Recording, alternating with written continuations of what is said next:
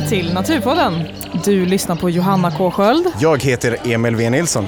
och idag så är vi inte i en vanlig studio kan vi säga. Verkligen inte. Nej, vi är faktiskt på en konferens. Vi är på Mötesplats skyddad natur på Münchenbryggeriet i Stockholm. Ja, det är Naturvårdsverkets stora konferens. Ja, det är verkligen en mötesplats. Det är otroligt mycket folk, jag tror det är en 550 deltagare eller något sånt där. Ja, Som ska prata om och luska och informera och ta del av och diskutera det här kring skyddad natur i Sverige.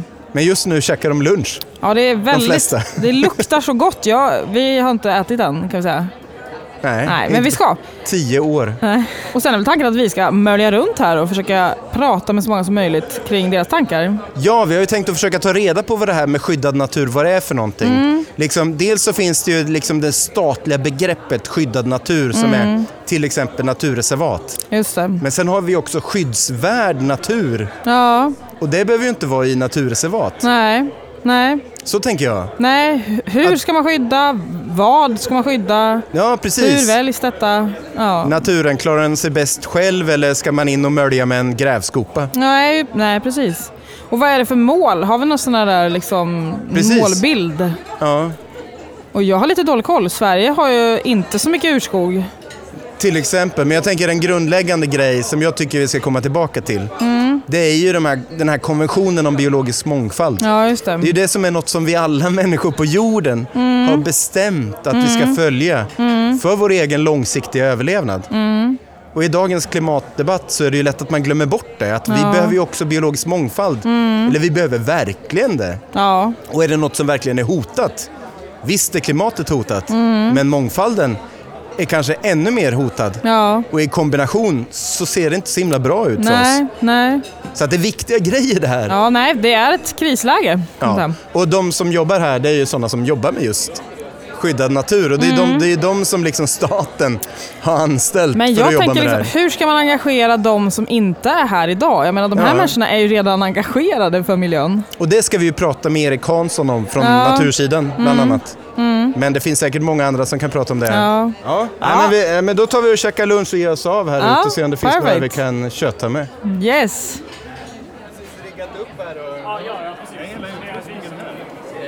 Det är skitmycket folk, Anna. Är du nervös?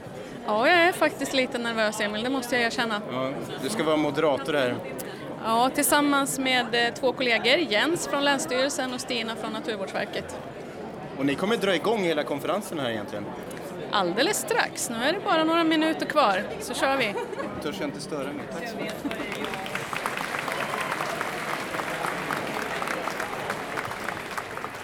Nu är vi här på mötesplats skyddad natur inne på Münchenbryggeriet. Jag har gått undan lite för att sätta mig och titta på programmet här. Som vi precis fått i våra händer. Det är lite saker som jag tycker är spännande här som vi ska fundera på. Det är ju det här med skyddad natur. Här pratar man bland annat om grön infrastruktur och tätortsnära natur. Det är också intressant tycker jag. Så att eh, jag tror det gäller att få i sig en bit mat nu. Ska vi ta oss an det här.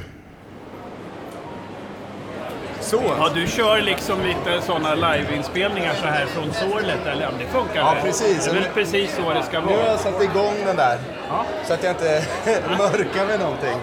Så nu sitter jag här med Claes Svedlind. Uttalar man namnet så? Ja. Ja. Från eh, Naturvårdsverket. Ja. Och eh, nyligen naturvårdschef på Länsstyrelsen i Östergötland. Ja, fram till första oktober. Ja. Ja. Och vad gör du på Naturvårdsverket nu? just nu så har jag liksom lite introduktionsperiod, men från Ja. första januari så kommer jag bli chef för naturavdelningen som Ja. är en av, en av de nya avdelningarna efter Naturvårdsverkets nya organisation. Okej, och vad ska man göra på naturavdelningen? Vad ska ni Ja. basa över? Ja, men man kan ju säga, eh, vi har ju velat få en lite enklare och tydligare organisation och då har vi fört samman de allra flesta sakfrågorna som rör natur till en eh, naturavdelning. Ja. Så där ligger ju det mesta av eh, Naturvårdsverkets arbete med skyddad natur till exempel, både att bilda naturreservat eller vä- vägleda för bildning och det här, hela den här ekonomiska hanteringen kring det eh, med ersättningar till markägare och så. Ja. Och eh, medlen för skötsel och så. För, för, och, och jag menar, det är ju inte vi som gör jobbet, det görs ju sen ute i landet av länsstyrelser framför allt. Men, men vi, vi skapar förutsättningar och vägleder dem. Ja. Och vi är ju här på konferensen Mötesplats skyddad natur. Och det här begreppet skyddad natur, eh, när man googlar det, då kommer det upp massa från Länsstyrelsen och från Naturvårdsverket. Mm. Det, är det. det finns inte en Wikipedia-sida än som, där det står skyddad natur. Mm. Vad är skyddad natur? Ja, men det är en jättebra fråga egentligen och det kan man fundera kring om man tittar på och, och, går in och benar i den här konferensen. Skyddad natur måste ju inte vara naturreservat. Det är väl det vi kommer in på när vi pratar tätortsnära natur och där kanske man skyddar naturen i kommunerna genom eh, planeringen. Att man liksom säkrar upp att det finns eh, tätortsnära gröna kilar och så. Så att eh, jag tror man ska se det som ett eh, brett begrepp. Men det är klart att vi har ett, ett fokus och en anledning till att den här konferensen just nu handlar om eh, skyddad natur är väl också att vi har en riktigt stor satsning från regeringen just nu där man ger, har gett extra stora anslag till att bilda reservat och, eh, och eh, att, att skydda, formellt skydda natur och också att öka skötseln av den redan skyddade. Så att på det sättet finns det väl ett behov av att faktiskt berätta om det här, för det kommer bort lite i media. Det är, det är lite lurigt det här. Det känns som att eh, antingen är det så självklart för folk eh, och för de allra flesta att man behöver göra det här. För vi vet ju att det är ett väldigt stort stöd för att skydda natur. Ja. Men på något vis kommer det inte riktigt, synliggörs det inte i debatten. När man pratar om att eh, eh, satsningarna i budgeten så lyfts det fram hur många miljoner man lägger, extra man lägger på klimatinvesteringar och liknande och stimulerar det. Men det är väldigt sällan som det syns och, och märks från till exempel eh, riksmedia eh, att man satsar jättemycket nu faktiskt på, på, på att höja anslagen lagen för ja, områdesskydd. Det där är riktigt märkligt. Jag, jag skulle säga, nu har Johanna kommit här också. Ja, hej! Hej! Johanna Trevligt. som är min kollega på podden. Jättekul att prata med dig. Trevligt. Men du måste ju vara väldigt nöjd med en dag som den här. Ja, det här är ju jätteroligt och att även för, för oss alla att få se så här många är vi som faktiskt jobbar ja, med det här. Och få träffas och diskutera. Och för träffas, man blir ju... mingla, mm. utbyta erfarenheter. Sen har ju vårt syfte också varit att vi ska försöka att det ska vara en blandning av mm. olika aktörer. Vi har ju precis lyssnat på Mattias Klum också. Han var ju inne på det fast ur ett mer globalt perspektiv, att man pratar väldigt mycket om klimat, klimat, klimat, klimat, men biologisk mångfald kommer Nej, lite i skymundan. Och syftet med att skydda natur är ju att skydda, att kunna hålla kvar den biologiska mångfalden. Absolut. Med, liksom... med, alla fördelar det ger oss människor. Men jag har också pratat med en granne, Emil Sandström heter han, jobbar på SLU och han sa, ja men egentligen så ska det, borde ju målet vara att man inte behövde skydda natur. Nej. Vad tror du om det? Nej, men det, alltså det är ju en jättebra tanke egentligen att den skulle, och det är väl liksom lite grann i diskussionen som vi var inne på, att, att det kanske inte, det, det är ju inte så att vi kommer att kunna bilda naturreservat, liksom, eller formellt skyddad, eh, skydd av, av, av, all värdefull natur. Det kommer vi inte kunna göra, utan det är ju liksom ett samspel med en massa åtgärder. Det är inte bara med naturreservat, nationalparker och så som vi räddar den biologiska mångfalden, utan det är ju, det är ju liksom genom att jobba på ett helt annat sätt och, och med mm. generell hänsyn och så. Så det ligger ju väldigt mycket i det tycker jag. Yep, ehm, och vi, vi, kanske på lång sikt står inför ett vägval. Hur ska vi fortsätta? Var ska vi satsa? Var ska vi lägga resurserna? För vi behöver ju det handlar ju som någon var inne på på diskussionen förut, det handlar inte bara om att avsätta områden utan det handlar ju också om att ha, ha liksom medel och resurser att sköta dem. För mycket natur och även skyddad natur i södra Sverige behöver ju verkligen skötsel. Mm. Och tar vi hela odlingslandskapet, som ju, där har vi ju egentligen haft en ambition under flera decennier att inte bilda så mycket naturreservat utan där vill vi att det ska klara sig, värdena och den biologiska mångfalden där ska klara sig genom landsbygdsprogrammet. Och ja, det... för att, för att eh, nidbilden av eh, naturreservat reservat i, i kulturlandskapet är att det lägger en kall hand ja, över visst, området. Ja, visst. Mm. Och, och, det finns mycket nidbilder och myter och det kanske inte är så konstigt för jag menar naturvårdsarbetet och naturskyddsarbetet då har ju liksom utvecklats ganska mycket men det finns en glidande skala här där liksom en del av det här gamla sättet som är väldigt konserverande mm. och det är ju helt rätt på många håll. På många håll så kanske man ska liksom låta det vara relativt fritt, särskilt i stora områden om man, liksom, om man har naturliga störningar som fungerar. Men vi tänker ju inte på att naturen faktiskt utsätts för naturliga störningar som de gjorde i varje fall förr, som de inte görs jag, idag. Så jag, pratade, var, jag pratade med några som sa att man borde inte kalla det att skydda natur eller bevara natur, utan snarare liksom utveckla natur. Ja, ligger, eller på något mm. vis. Mm. Och det tycker jag det är lite spännande. Men jag håller med dig om det. Jag tror det är på jättemånga ställen när det gäller bevara, alltså att, att uh, rädda hotade arter för framtiden och så, då handlar det ju mm. verkligen om utvecklingsinsatser och liksom ja. att, att, göra åtgärder som kanske, alltså någon slags ekologisk ingenjörskonst. Där vi liksom, ja, men det. det. ska vi ju inte kanske göra i så stor utsträckning i, de, i, de, i naturreservaten. Jag tror Nej. fortfarande att vi kommer att behöva ha en kärna av av eh, formellt skyddade. Det är klart att vi kan jobba med hotade arter där också. Jag menar inte, jag tror att vi ska vara ganska tillåtande, men vi ska mm. givetvis tänka oss för.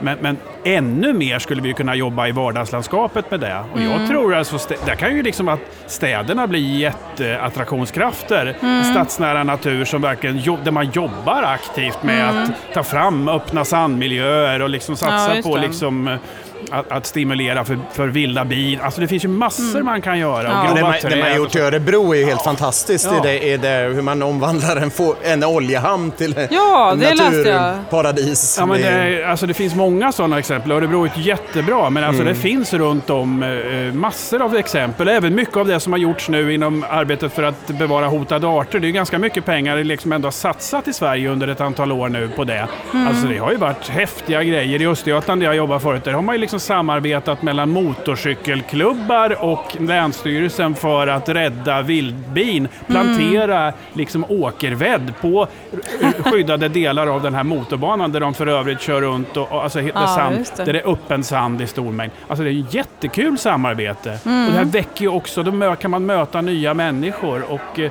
jag tror vi måste jobba mycket, mycket mer så. Mm. Och där är inte minst kommunerna tror jag en jätteviktig aktör. De, de måste, kommunerna måste vara med eh, på banan när det gäller de här frågorna. Ja.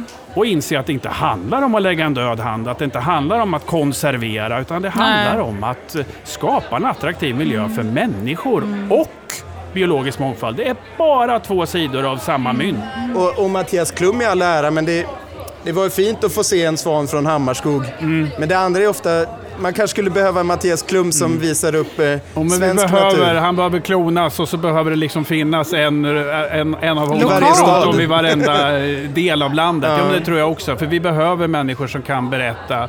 Och, och där är ju ni ett bra exempel också, så som ni jobbar. Va? Det, det, det, skulle man ju gärna vilja att det spreds och fanns Det är inte en slump fler. i och för sig, men tack så jättemycket. det, det är ju en att vi gör den här podden är ju för att vi har tänkt på mm. den mänskliga berättelsen. Mm. Det är ofta vi gör saker ute. Det, liksom. det här är ju en ovanlig situation för oss. Tanken mm. är ju att det ska göra det. Utomhus. Det är jättebra. Ja. Nej, men jag tror det är precis så man ska göra. Och, eh, alltså de här, mycket Om... av den här guideverksamheten som finns, som vi ibland har fått lite kritik för från, från sådana som vill leva på det här, att vi liksom tar deras kunder och sådär. Jag tror inte det. Alltså, vi har ju kört i Östergötland, mm. där jag kommer ifrån, och vi har haft sådana här naturguidningar. Jo, det, mina föräldrar många, har varit med många, flera gånger ja. vet jag. Och, och, och, jag tror att det är ett bra sätt eh, att liksom locka eh, människor ut. Och, och jag tror än så länge man kan locka människor att upptäcka som sen kan bli kunder till mer exklusiva guidningar och så. Jag tror vi måste liksom få hela tiden på olika sätt. Och där har vi ett ansvar, även kommuner och, och, och liksom alla som jobbar, alla offentliga aktörer, att åtminstone bidra till att eh, liksom den här typen av guideverksamhet finns. I den bästa av världar så kan den ju genomföras av företagare och, och så, alltså så man mm. kan också bygga upp en sån naturvägledningskår av människor. Företag som, som Wild Sweden vet, visar väl också att man, man, kan, det går bra att sätta igång med älgar. Mm. Men eh, om man tittar på så Johan Rockströms Planetary Boundaries, då är det som sticker iväg är ju... Biodiversitets... Precis. Det är det som överskridit mest. Ja. Precis. I planetens gränser. Precis. Det känns ju som att vi har misslyckats i kommunikationen mm. där. Varför är det så svårt? Vem kan bära den? Alltså jag känner public service i all ära, men de program som görs som, som man kan kalla för naturinformation bär ju heller inte den eh, kunskapen eller går inte ut med det så starkt i alla fall. Nej, allt för lite. Mitt i naturen gör det väl ibland lite grann, men det är kanske mer att man liksom väljer någon hotad art som är lite sådär exklusiv. Om det är ja, kungsörn någon, eller eh, fjällräv eller något sånt. Eller någon uh, hyena i ja, Sydafrika. Ja, så är det. Ofta är det något svenskt och något utländskt ja. exempel. Men, men jag håller med dig. Det skulle mm. behövas i mycket högre utsträckning. Och kanske även alltså, riksmedia. Dagens Nyheter hade förr riktigt initierade nyhetsartiklar om biologisk mångfald eld och liksom naturvård och så. Ja. Men det är mycket sällan. Inte ens när budgeten kommer så berättar man att man kanske satsar x hundra miljoner mer nu på, på att, uh, skydda, mm. att skydda natur. Men ja. det kommer aldrig fram. Nej, nej det där är, nej, det är Men väldigt... det är konstigt alltså. Ja, vad jättetrevligt att träffa dig. Tack ja, så jättemycket. Tack själv. Tack så mycket. Tack. Fint. Så att du inte missar middagen. Sådär, Nej, men just det. Ja, det vindlar ju lite fram och tillbaka och vi kommer kanske klippa lite men vi, jag tänkte vi ska lägga ut det här. Var kommer du ifrån då? Kalmar. Kalmar? Ja. Är det okej att jag spelar in här? Ja, ja, absolut. Ja, jag jobbar med naturreservatsbildning på Länsstyrelsen i Kalmar.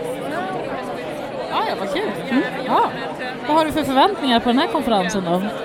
Ja, bra information, trevligt, träffa kollegor, ja, komma hem med mycket ny inspiration. Det här är ganska nytt det här. Ja, i det här formen är det det. Mm.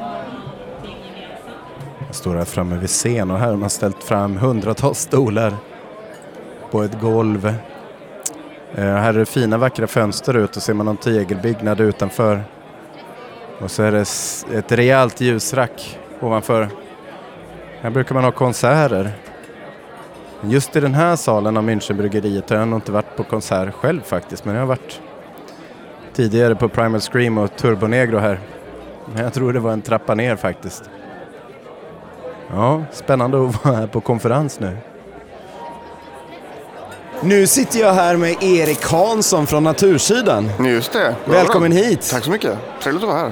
Och vi är ju, som det kanske hörs, mitt eh, i konferensen här. Ja, mycket eh, ätande här nu. Vad är dina så här, tankar nu? Det är nog ganska mycket tankar egentligen. Alltså väldigt spritt. Jag tycker det har varit eh, stundtals fantastiskt bra. Stundtals kanske inte riktigt lika roligt. Men överlag så har det varit väldigt lärorikt. Nu är det ju liksom, det här har ju varit liksom kanske mer för folk i länsstyrelserna runt om i landet. Ja, och det är ju de som är majoriteten av de som är här också. Ja, precis. Så att, eh, men det har varit intressant att få en inblick i deras jobb tycker jag. Eh, det är mycket så här jag tycker att man kan märka så att folk har en hel del åsikter om Länsstyrelsen men jag tycker att man får lite inblick också i att det är ganska mycket knepigt jobb här. Många ja. olika ja, åsikter att ta hänsyn till och många olika regler att förhålla sig till och sådär. Så att, mm, en utmaning för dem. Har du lärt dig mycket om skyddad natur? Alltså, jag vet inte om jag... Jo, men det är klart jag har gjort. Jo, men jag har läst... Eller kanske hel... administrationen bakom kanske? Mm. Ja, det skulle jag nog säga. För det har varit ganska mycket mer liksom så siffror eh, om skyddad natur än om liksom lavar, svampar, ja. mossor. Så inte så mycket snack sidan. om Tretoy hackspett liksom? Nej, precis. Nej. Lite för lite hackspettar överlag. Ja. ja, nej men nej, alltså det har varit intressant med ett annat fokus liksom. Inte riktigt eh, de här grejerna som eh, jag är van vid att gå på kanske. Ja. Så att, eh, ja, Och jag tänker dina läsare på natursidan.se, mm. vad tror du nu ska det ju liksom satsas mer på skyddad natur här. Hur tror du det kommer dina läsare till godo? Liksom? Vad tror du de eh, ser fram emot mest? Eller vad är det de värdesätter mest i skyddad natur? Mm. Alltså, jag får lite intrycket, och nu är det här lite baserat på eh, ja, blandning av slags eh, fördomar och de kommentarer jag får eller de kommentarer jag hör och sådär. Men jag tror att vacker skyddad natur är viktig. Alltså ja. att folk dels att de ser att det ser vackert ut om de ser bilder från det. Eller också att det är något som händer i deras närhet. Ja. Så att jag skulle gissa, det har varit ganska mycket snack här om eh, tätortsnära natur och vikten av att skydda det. Eh, jag tror att det kan vara smart eh, för att folk ska se att det skyddas och också för att det är det som många håller kärt. Liksom. Ja. Men jag tror också att det är viktigt att skydda den här naturen som folk liksom går igång på när de ser. Ja. Vilket kanske då är ett nackdel för uh, fyl natur som också är viktig. Om ja. det finns något sånt som heter så. Jo, och, sen, och när vi pratar här, då, då menar vi med skyddad natur, det behöver inte vara naturreservat, eller hur? Utan det, det, det är egentligen... Eller vad tror du ur, ur liksom naturintresserade i allmänhet? Tror du de bryr sig så mycket om det är skyddat eller inte?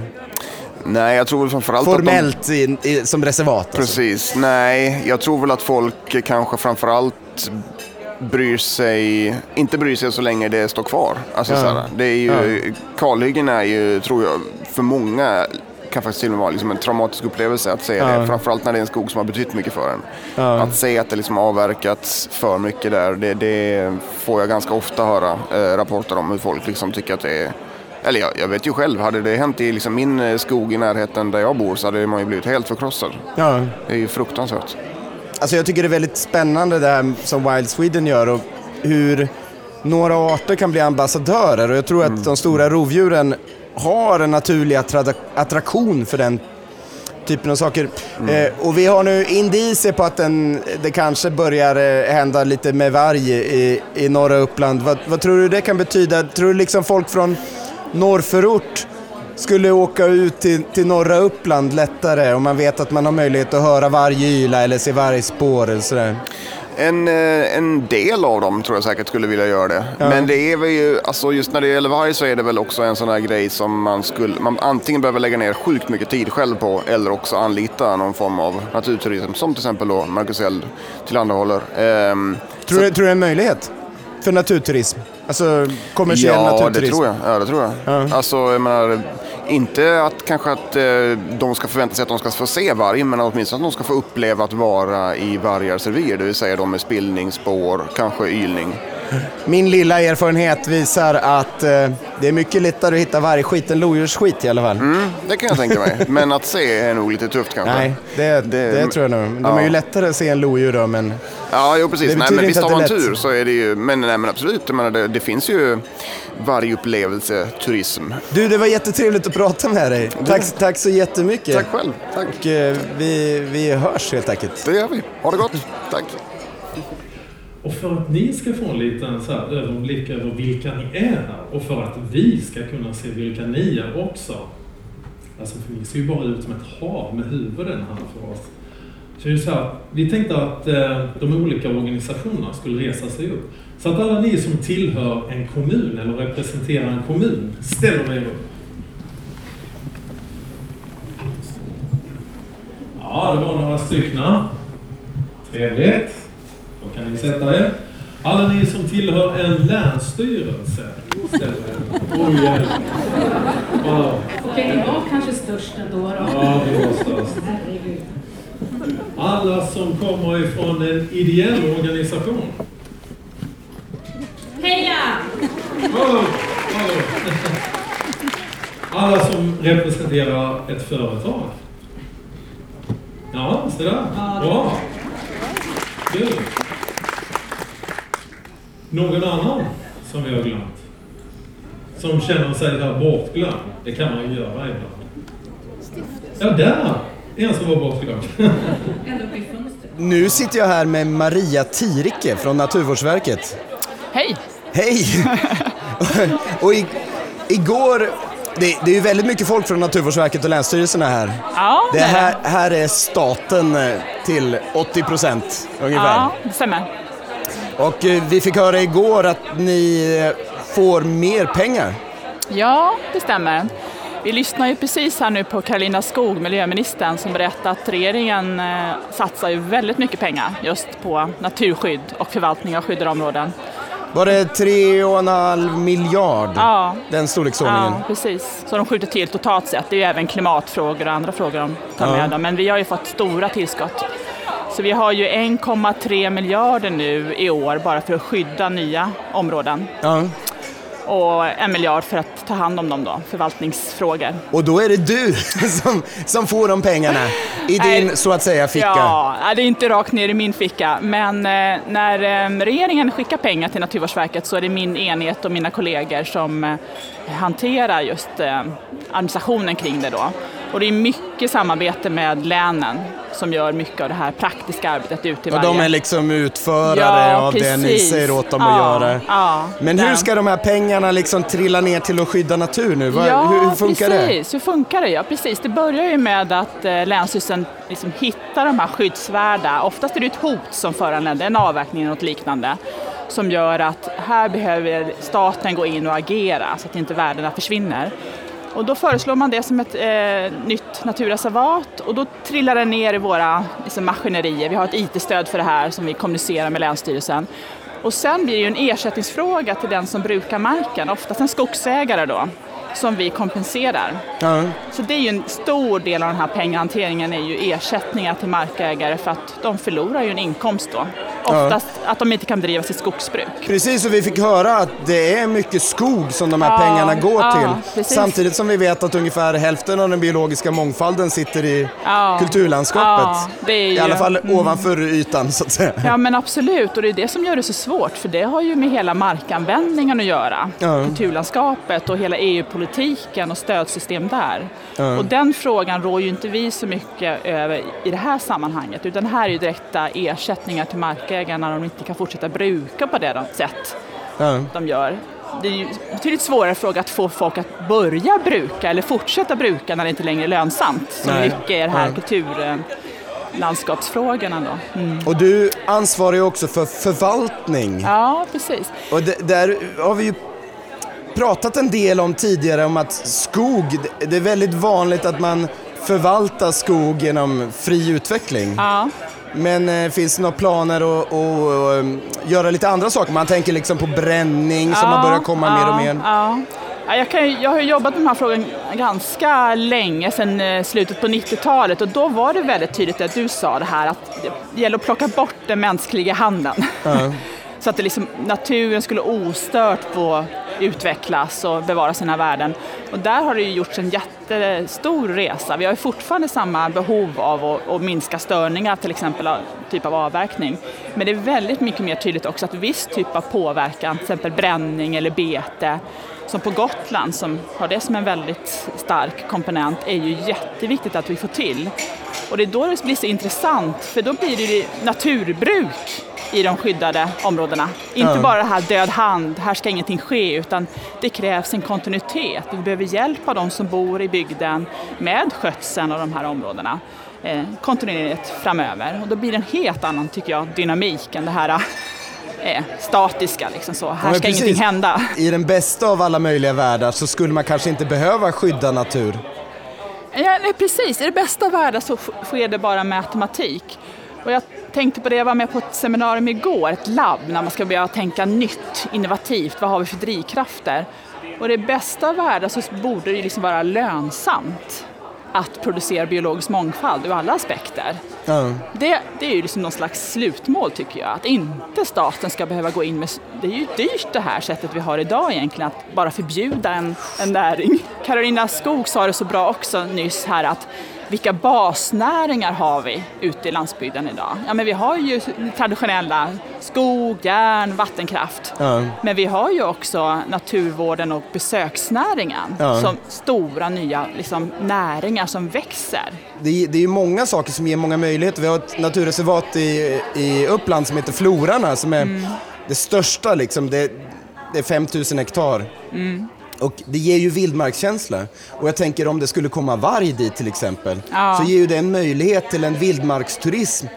Som man inte liksom, för tio år sedan hade jag väldigt svårt att tänka mig att det skulle ja. överhuvudtaget kunna funka i Uppland. Att det måste man åka väldigt långt eh, bort ja, för att ja. åstadkomma. Eh, men det är ju just det som den skyddade naturen ger möjlighet till. Absolut. För även om vargarna kanske struntar i om det är kalhygge eller inte, utan de går mm. dit älgarna finns, ja. Eh, så vill man ju mycket hellre sitta i den här eh, miljön som känns som en ja. vildmark. Och där kanske också det finns anläggningar, eld, platser man kan elda, det kanske finns ved, vindskydd, övernattningsstugor och sådär. Ja. Så att det, det, det är ju inte bara det behöver inte nödvändigtvis vara så att det bara kostar. Det kostar kortsiktigt. Mm. Men mm. långsiktigt så kan det ju ge mm. mer mm. till slut. Mm. För precis som, som man brukar säga nu för tiden så turistindustrin drar ju in mer än vad är det nu är? Stål, gruv och är det trä? Ja, träindustrin också. Ja. ja precis. Det, mm. det, är inte många som vet om nej, alltså. Nej, och eftersom skogsbruket är så effektivt idag så är det, jag menar förr i tiden så sysselsatte det ju en hel bygd. Ja. Mansår efter mansår, men det gör ju inte det idag. Det är, det är ju effektivt som vilken industri som helst. Skördarna går ju... Ja, ja. 7, 24. Ja, precis. Och det är ju inget konstigt. Så har det skett i övriga samhället också. Men det är därför man måste titta på vad har vi för nya liksom, ja, näringar som långsiktigt sysselsätter folk. Absolut, så det är inte så himla hippieaktigt att säga Nej. att de pengar ni ska satsa på skyddad natur, det är ju en investering. Ja. Alltså, Men sen, som, som... sen tycker jag ändå, bara för att nu är vi så mycket inne och visar de här liksom, alternativa värdena, jag tycker ändå det är väldigt viktigt att vi inte bara glömmer bort också att det här är vi skyldiga att göra. Ja. Jag tänkte Mattias Klum igår då, som besökte ja. oss och visar alla dessa fantastiska bilder. Men också ganska hemska bilder av mm. hur det ser ut. Som... Inte från Uppland men... Nej, inte från Uppland, men Borneo till exempel. Ja, men, men, men, vi har ju samma problematik till viss del här också. Med det liksom moderna sättet att bruka. Eh, och det på något vis måste man ju förstå. Jag tycker att det, liksom, det är den här krassa hotbilden som faktiskt finns. Och vi har ett, vi har ett liksom, intresse, det finns ett, ett skyldighet tycker jag för, för mänskligheten att bevara de här arterna. Absolut. Och det, och det har det... inte att göra med att det skapar tillfällen, jobbtillfällen och allt det här. Alltså det är ju en jätte, tror jag, en framgångsfaktor för att ja. få acceptans för det. Men vi får liksom inte glömma att det är ett egenvärde.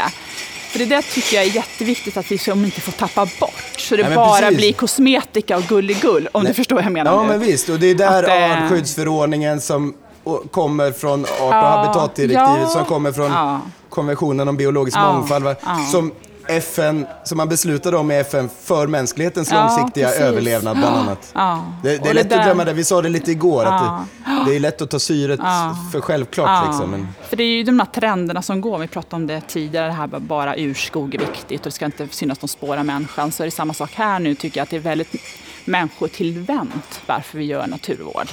Man ska hitta nyttor för människan, men det är ju liksom verkligen, vad brukar man kalla det, liksom finns ett existentiellt värde att bara arterna får fortsätta finnas. Ja, Nej, men du har mycket att göra för ja. de där 1,3 ehm, miljarder? Ja, för så? skydd ja, ja. i år. Mm. Ja. Det är fantastiskt. Så att mm. Eh, du får lycka till med det. Ja, tack så mycket. Eh, Vad roligt att få komma. Ja, jättetack. Ja.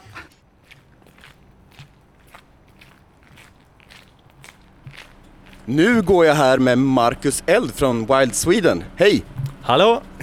Kul att se dig! Eh, du har precis pratat om att bedriva turism i skyddad natur, bland annat, eller hur? Ja. ja. Hur kändes det?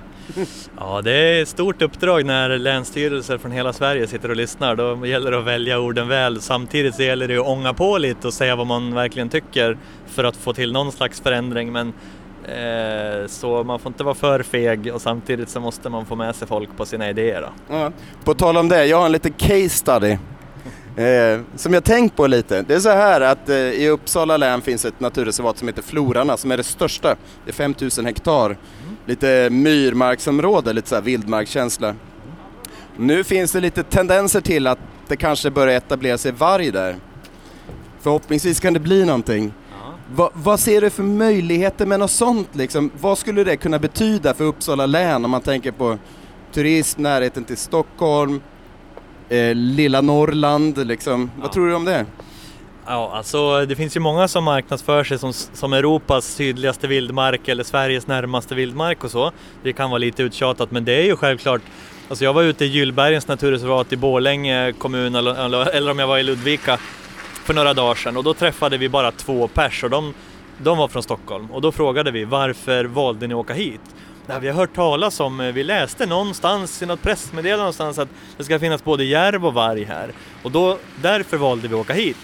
För om man säger att det är vild natur då är det så här, okej okay, det är kanske lite, lite gamla tallar och lite hällmark och, eller myrar och sådär. Men om man säger att det finns varg och järv och lo och björn och kungsörn och sådär, då är det verkligen som en, den ultimata stämpeln på att här är det lite häftigare än någon annanstans. Men sen är det ju så att till skillnad från kungsörn så får man ju jaga både varg och lo. Ehm, och hur, hur, tycker du liksom eh, Länsstyrelsen borde tänka på det i sin förvaltning när man har de här möjligheterna? möjligheterna? Är det någonting de borde liksom ta med i beräkningen när man planerar jakt på stora rovdjur? Ja, man ska ju, alltså när man planerar jakt på stora rovdjur eller djur överhuvudtaget. Jag gör inte så stor skillnad på om det är ett rovdjur eller om det är en växtätare. Men eh, så lär man ju på något vis börja väga in att, att det kommer, om vi säger att det är så att det är 10 eh, 000 besökare av utländska turister som spenderar så och så mycket och så kan man fråga dem varför kom ni hit? Ja men för att det finns en vild och häftig natur. Då kan man om man, om man skulle besluta om skyddsjakt eller om man skulle, alltså är skyddsjakt det är en annan sak, men om man skulle besluta om licensjakt på mm. lo eller varg, då ska man ju väga in olika eh, värden och då kan man säga men de tog 10 får för tre år sedan, så tog de en hund förra året och sen så eh, blir det problem för det här och det här. Men så har vi de här grejerna på plussidan och det är att folk uppskattar att det finns vild och levande natur, det kanske är fler turister som kommer hit, fler som bor på bonanläggningar. Och jag säger inte vilket som väger tyngst eller hur mycket man ska lägga vikt på varje grej, men det blir ju fel att säga att de tog 10 får för tre år sedan och de kostade så här mycket, alltså har, vi, alltså har de här vargarna ställt till med problem för 40 000 kronor och därför så ska de bort. Utan man lär ju väga in både, både ekosystemtjänster men, men även eh, turistiska värdet. Precis, och då har vi inte ens pratat om art och habitatsdirektivet. Men hur, hur viktigt tror du de stora rovdjuren är för naturturismen? Alltså för, jag, för mig så upplever jag det som viktigt, liksom, men kanske inte avgörande men ändå viktigt. V vad skulle du säga, du som ändå jobbar med det? Ja, det är ju helheten, alltså eh, man, man får inte, jag får, det känns lite grann som många frågar mig om att varg skulle vara det viktigaste djuret för svensk turism men då är ju älgen mycket viktigare eller bara vilda fina skogar och fantastiskt värdskap och sådär. Men eh, om det nu finns varg, om vi ska ha varg som de flesta organisationer ställer sig bakom och svenska staten dessutom, då lär vi ju utnyttja den och, och inte försöka säga att oh, det finns några men du vet de ställer till mycket problem.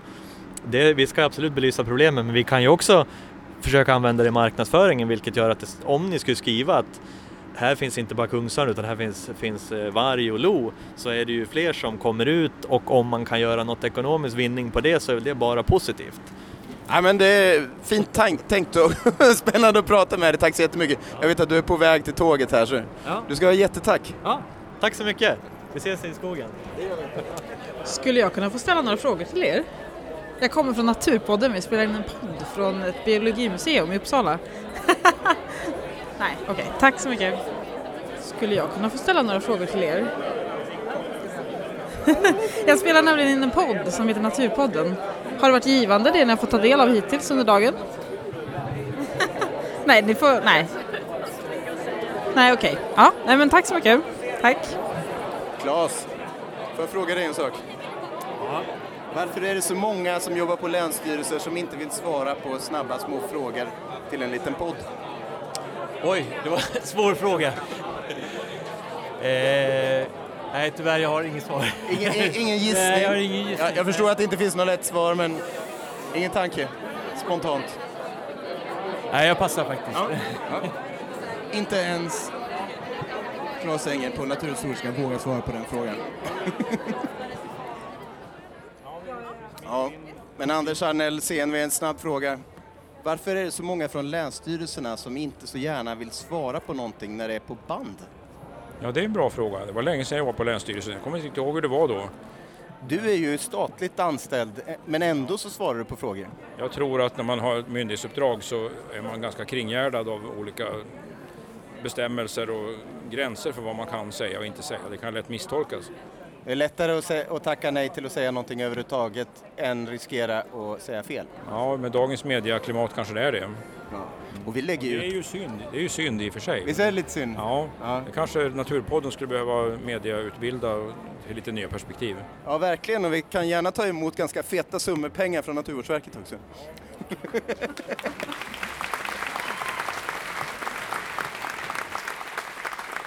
Nu sitter jag här med Sara Overud Wissman och Nick Kreuz från Länsstyrelsen i Uppsala län, eller hur?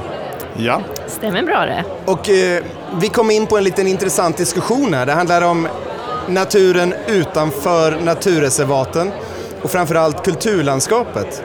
Det här som har så mycket biologisk mångfald men eh, där det krävs eh, lantbrukare. Ja, precis. Det är en uh, stor utmaning som vi står inför den närmaste ja. tiden, att, uh, att behålla skötseln i de här områdena så att vi behåller naturvärdena. Och sen finns det ju den här gråzonen, för att det, det, här tycker jag är lite spännande. Och Nick, du sa förut att du kom från skogen, från den mer skogliga naturvården. Ja, Stämde precis. Det? det? är min, min eh, bakgrund, utbildningsbakgrund och jag har jobbat mest med skoglig naturvård. Ja, och nu eh. tänkte jag om jag får vara lite så fördomsfull så är en del i alla fall som jobbar med skogen, de brukar säga att ja, men det är bara fri utveckling, så är allt bra. Precis, det är, det är ju lätt att, att, tänka så. Det kanske gäller många, många typer av skogsområden, men eh, vi har områden där det har funnits en eh, lång historik av skogsbete som har skapat och gynnat olika värden. Eh, och det, det är ju inte alltid samma saker, samma strukturer och så som man vanligtvis förknippar med en naturskogsartad miljö som, som eh, finns i de skogarna. Ja, precis, och inte minst i nordöstra Uppland så har det varit många Precis. sådana skogar som har haft skogsbete. Ja. Och det blir lite en mix mellan eh, kulturlandskapets naturvårdstänk och skogens naturvårdstänk, eller hur ska man tänka?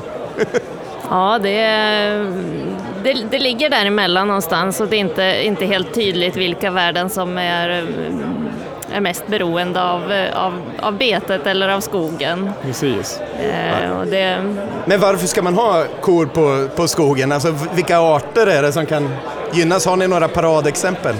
mycket är det ju mykorrhizasvampar eh, Ja. som, eh, eh, som finns där som kräver att, att djuren går och trampar och, och, och får bort förnan. Inget ont om mykorrhizasvampar, men det kanske inte är det sexigaste exemplet i, i boken. Har ni, några, har ni, har ni något, eh, något som man vill så här, känna så här, bara, ja det ska jag åka och titta på, även fast jag åk- gärna åker och titta på mykorrhizasvampar i och för sig. Men.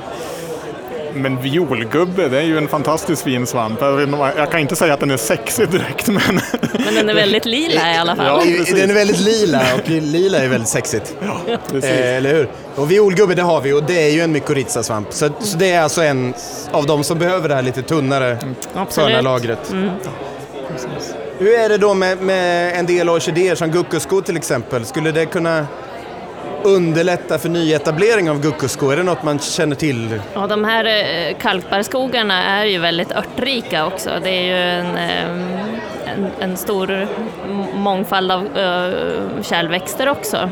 I Precis, de här. nu, nu är jag kanske ute på tunn is här, men jag tror inte... Alltså guckusko är ju en kalkgynnad art, men jag är inte säker på att den är särskilt betesgynnad. Nej. Eh, utan det är Det är nog det inte. andra arter. Alltså, det får inte vara för mycket bete för guckusko, eller, eller korna kan trampa ner och kanske till och med beta dem. Ja, Eller, det finns ju risk för, för trampskador. Jag, jag kan ta, ta ett exempel här om man tänker sig den eh, betesgynnade skogens värden jämfört med det man skulle kunna säga traditionell eh, naturvårdande skogsbruk. är ju ett exempel. Alltså, vanligtvis så förknippar man naturskogens värden mycket med döda träd, död, gott om död ved, gott om vedlevande svampar. Ja. Eh, den döda veden får ju gärna givetvis finnas i, den, eh, i kalkbarrskogarna också, men Eh, det som kan uppstå som, som kan ge problem för att gynna de värdena, kalkskogsvärdena, är ju för mycket död ved gör att det blir svårt för betesdjuren att komma fram, eh, svårt för dem att, att komma åt den döda veden som eh, bryts ner och tillför näringen till skogen som kanske så att säga bygger på eh, förna och så vidare. Och, ja, det, det finns ju en balans där, där man, det handlar inte om att ha den är bara död ved eller bara skogsvete, men att hitta balansen där i de här något, lite särskilda skogarna, skogarna som trillar utanför den vanliga schablonen när det gäller naturvård i skogsbruket. Ja, hörni, nu börjar nästa pass alldeles strax, så att, eh, ni ska ha jättetack för att vi fick prata med er. Mm, tack själv. Tack, tack. Skrek jag hela tiden? Det kändes som en skrek. Nu är det morgon här den andra dagen. Och det har inte riktigt dragit igång än, så jag går och tittar lite. Jag är vid Naturrummen. Här finns Naturrum Vänerskärgården. Tyresta är det. Här står det pollinering, en ekosystemtjänst. Naturum Höga Kusten. Vi har Naturum Västervik.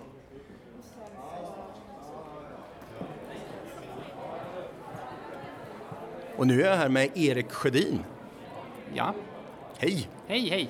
Vi har ju träffat varandra förut. Ja, det har vi gjort i lite olika biologsammanhang. Ja. Ja. Men nu har du kommit upp dig i smeten. ja. ja, jag vet inte. Jag var på Naturvårdsverket med Ja. grön infrastruktur, ja. Ja, för den här konferensen handlar om skyddad natur. Och då tänker man ju lätt att det handlar om naturreservat och sånt. Men grön infrastruktur, handlar, handlar det om naturreservat eller är det någonting annat? Ja, det handlar om, om naturreservat också. Men det gäller att förstå de här naturreservatens eh, värdet av naturreservaten i sitt sammanhang och kanske också att förstå hur man förvaltar naturreservaten beroende på vilken natur som finns runt omkring. Så det är flera olika ingångar i att det är viktigt också att förvalta den övriga naturen. Va, va, vad kan det mer vara? Vägar? Är det viktigt? Ja, det är faktiskt så att många vägar skulle kunna, man skulle kunna anpassa vägkanter så att de fungerar som spridningsvägar för många växt, eh, växter och insekter som rör sig mellan gräsmarker. Men sen är ju vägar också, kan ju fungera som barriärer för större arter, däggdjur och sånt som rör sig i den andra riktningen. Där blir ju vägen en barriär mellan skogsområden till exempel. Ja, för vet du vad jag har hört? Jag har hört att det egentligen skulle vara tre övergångar på E4 mellan Uppsala och Gävle, men att det inte blev någon. Eh, tror du det stämmer? Ja, det blir nog. Ska det bli? Det kommer säkert att bli, ja, jag är övertygad om att Trafikverket jobbar ju hårt på de här frågorna just nu med sitt, sina landskapsstrategier här då. Så att eh, de har nya riktlinjer att följa, så jag tror att det kommer absolut åtgärdas. Det låter ju jättebra. Är det i Halland någonstans man har påbörjat något sånt? Sån här viltpassage? Ja, viltpassage är den stora, ja precis, en ekodukt. Ja. ja, det är ju jättespännande, men här, här, här, de nya riktlinjerna som Trafikverket har, det är ju att åtgärda alla vägar på en, några, ja det är ju många års sikt va, men det är mycket fel som har begåtts. Ja. Ja, för man har hört mycket om att älgar och vargar och sånt där eh, eh, påverkas väldigt mycket av stora vägar. Ja, men vad spännande, tack så jättemycket för att jag fick prata med dig. Tack. Nu rullar vi. Ja. Jag sitter här med Henrik Wallenström från WWF. Vad, vad gör du på WWF? Vad är... Jag jobbar med eh, gröna städer och i allmänhet och nationalstadsparken i synnerhet. Ja, för det har man hört mycket om att du har jobbat med. Mm. Vad, vad tycker du om den här konferensen? Hur har det känts? Jag är första gången jag varit på den. Jag vet inte om den har varit Jag tidigare. tror inte den har varit tidigare, Nej. man har försökt dra ihop olika ja. tåtar. Liksom. Och så, sådan är ju jätteokej och fantastiskt, men jag tror till en annan gång kanske man måste lyfta lite mer de konflikter som vi alla känner ja. med motsättningar eh, inom eh, rovdjursfrågorna, motsättningar med LRF som vill försvaga mycket av de lagregler vi har, enorma trycket från bygg och fastighetsbranschen att bebygga grönområden som är viktiga i städerna. Jag tycker man skulle göra nästa konferens utifrån er utgångspunkt, natur, alltså medias. Ja. Vad är det som rör sig i mediet? Gå igenom de klippen de sista kvartalet eller året. Vad är det, vad är det som har varit i debatten? Vad är det, som, vad är det för lobbying som pågår? Vad är det för krafter som sker i den mediala eh, alltså lobbyvärlden? Liksom? Vad är det som berör oss? Nej men det stämmer nog. Men sen är det ju vad media pratar om också är ju kanske någonting annat än det som händer. För vi hade Claes Svedlind här och han pratade om att media skriver inte alls någonting om de pengarna som nu satsas på skydda natur till exempel. Eh, att, att det inte framkommer. Så det, det, det, har man, det, har regeringen varit jättedåliga på, att faktiskt ja. sälja in sina satsningar. Eh, nu har ju, I lördagsintervjun fick ju Isabella Lövin chans att berätta om klimatsatsningarna. Ja. Och Carolina måste bli mycket bättre på att sälja in de enorma satsningar gentemot tidigare regeringar som har skett ja. på naturvård. Ja, det där är märkligt. Alltså, klimatet har ju fått ett mycket större utrymme än förlusten av biologisk mångfald har fått. I, i mediautrymme alltså. Det, jag vet inte varför det, det borde... Det vågar hela tiden. Ja. Det beror på, det har varit en, mycket artiklar ett tag om klimatet, mycket filmer. Då kommer det. Och sen har det varit biologisk mångfald ibland och sen har det varit friluftsliv ibland. Och ibland har det varit ett tag var det så att ingen skulle prata om biologisk mångfald utan bara om friluftsliv och ja. hälsa.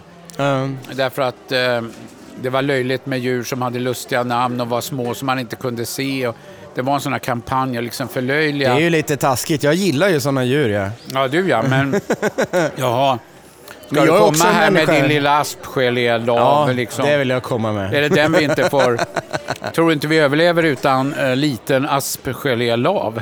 Nej, men uh, aspgelélaven överlever utan människan i alla fall. Det kan vi Ja, nej men alltså jag ser mycket det här påverkanssynpunkt. Alltså jag skulle vilja ha reklamare, lobbyister här mm. som bedömde oss. Jag tror vi är ganska naiva när det gäller påtryckningsmetoder och det, det som maktkampen i samhället. För det finns ju också en liten försiktighet hos de som är statligt anställda. Varför för, ja, precis. Va?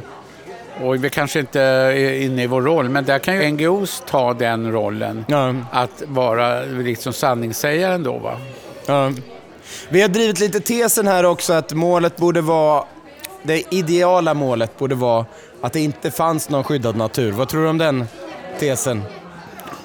Eh, Att allting skulle bara vara en huggsexa menar du? Att den som Nej, starkast har utan, det? utan att eh, man... man eh, ett brukande av naturen som var så hänsynstagande så att man inte behövde eh, liksom avsätta delar i form av reservat eller sådär. För att, vad tror du om den? Du menar hänsynsfull gruvdrift, hänsynsfulla helikoptrar och eh, fyrhjulingar på fjället? Ja, idealt. Hänsynsfulla kalhyggen, hänsynsfulla eh, eh, strandvillor. Eh, att allt skulle vara hänsynsfullt. Eh, jag tror inte det. det.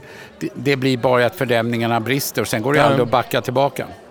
Men det där har du ju redan i USA i mångt och mycket. Nej, men kort och gott, för att göra det här så tycker jag att eh, det är jättebra av Naturvårdsverket att, att samla oss så här. Ja, jättetack för att vi fick prata med dig. Tack ska du ha. Tack så mycket. Tack för oss! Tack så jättemycket allihopa.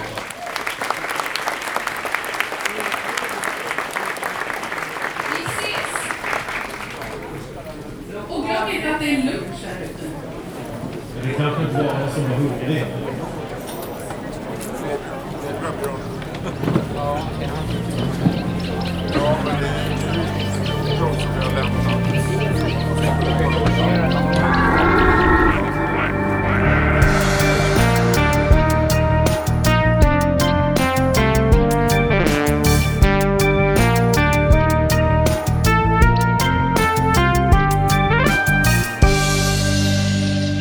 Naturpodden produceras av Biotopia i Uppsala. Vi finns på Facebook, Twitter och Instagram. Om du vill kontakta oss så går det bra på e-post. Naturpodden at gmail.com. Vi är lite som Mattias Klum fast tvärtom. Ja, men den är bra. Den är bra. Ja.